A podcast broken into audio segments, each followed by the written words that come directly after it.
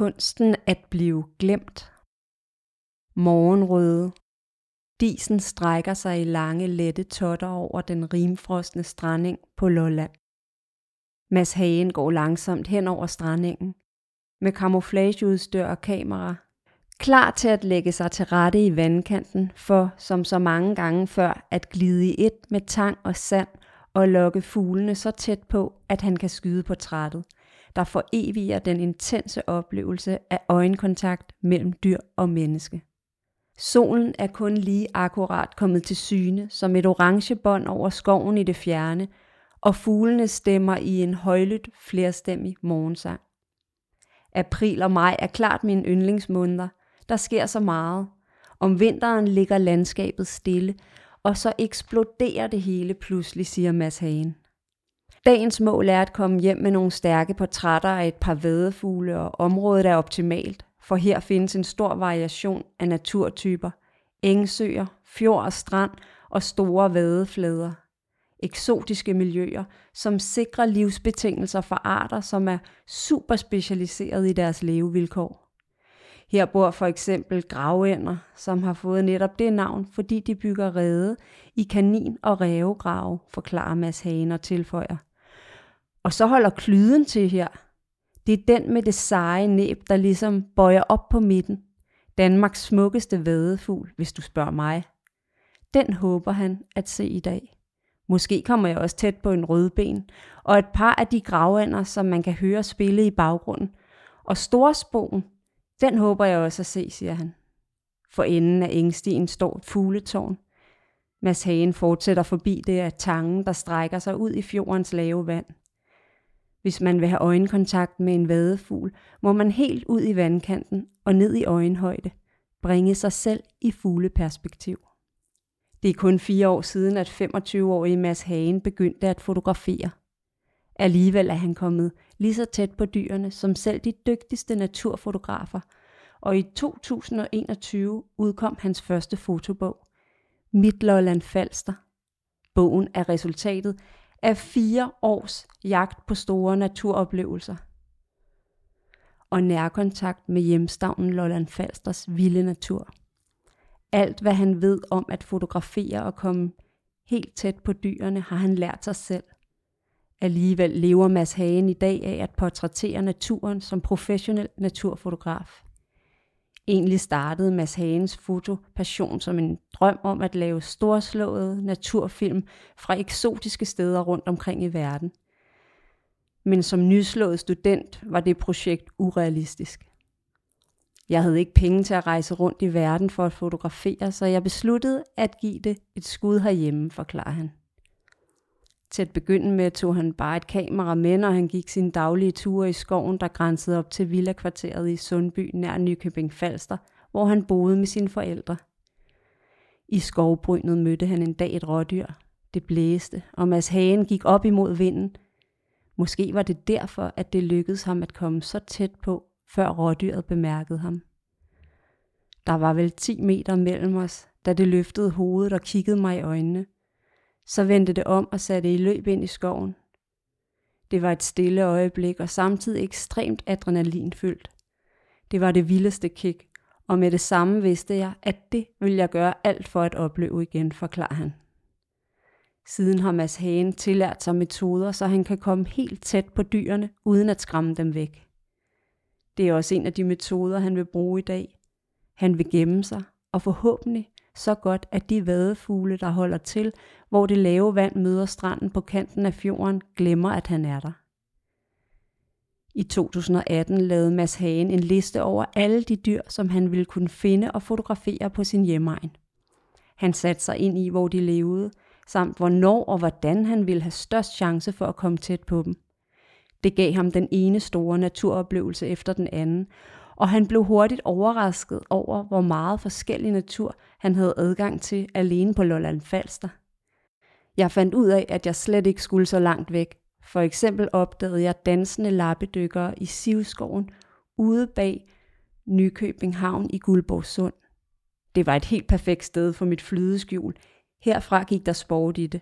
Jeg måtte bare finde de bedste motiver og historier. Solen er nu stået op over trætoppene og sender en dyb orange glød ind over fjordens blanke vand. Det er vindstille, men vinden har stået i øst, så vadefuglene går langt ude. 90 procent af tiden går med at vente på, at det helt rigtige øjeblik pludselig opstår. Udfordringen ved denne tid på året er, at vi kun har et par timer med det rette lys, forklarer Mads Hagen. Han trækker sit skjul op af rygsækken, et liggeunderlag og et tanglignende net. Lad os håbe på det bedste, siger han, og spænder en lang telelinse på kamerahuset. Selv den er camouflagefarvet, så den kan pege ud under tangnettet, uden at vække for meget opsigt. Mads Hagen kravler ned under nettet og lægger sig fladt på maven. Han går i et med tangtæppet på stranden og lader kameralinsen pege ud over vandet. Det er ret simpelt, men det er ubetinget mit bedste skjul. Herfra har jeg oplevet, at fugle er kravlet helt op på mig, siger han. Over ham svæver et fugletræk. Man kan høre viben inde fra strandingen og se svanerne svæve i par over fjorden et godt stykke væk. Vadefuglene går stadig alt for langt ude til, at han kan få et skarpt portræt af dem. Han havde håbet på lidt vind og højvande, for fuglene går op imod vinden, og under sådanne forhold ville de være gået ham i møde, forklarer han. Det er lidt et terningkast. Man kan aldrig vide. Men jeg kan ikke bare sidde derhjemme og vente på den perfekte dag. Jeg må bare prøve at se, hvad der sker. Måske er jeg heldig, bemærker Mads Hagen. De første 20 minutter sker der typisk ikke så meget, forklarer han. Jeg skal lige glemmes. Så vender naturen tilbage til sig selv igen. Det er lige så meget denne følelse, kunsten at blive glemt, som det er selve fotografiet, der optager ham. Når det lykkes, og dyrene glemmer, at man er der, får man en helt særlig oplevelse af at glide i et med naturen. Det er som at iføre sig en magisk usynlighedskappe, man får fri adgang til at møde og betragte dyrene på helt nært hold, siger han. Mads Hagen ligger stille længe og venter i sit skjul. Så pludselig blander en salve af klik fra kameraet sig med fuglenes stemmer. Det er ikke umiddelbart til at se, hvad der er i sigte, men Mads Hagen har løftet kamuflagelinjen fra strandbredden og taget sit sigte skråt ud til venstre og leder man blikket følge dens retning, kan man se en lille lavbenet fugl nærme sig. Det må være en rødben, og bag den måske en mulig partner. De to fugle pirker i vandoverfladen, og telelinsen fra stranden følger deres bevægelse mod højre. Da de kommer tættere på, kan man se den forreste fugls spejlbillede. Det er, som kysser den sig selv, hver gang næbet rammer vandspejlet. Når jeg ligger her under min dyne af tang, er der virkelig langt til hverdagens problemer. Det er ikke lige frem nem idé, jeg ligger og tænker på, konstaterer Mads Hagen med et smil. De rødbenede vadefugle tripper lidt, som tager de tilløb på stedet, vel en 20-30 meter ude, før de letter og flyver længere væk.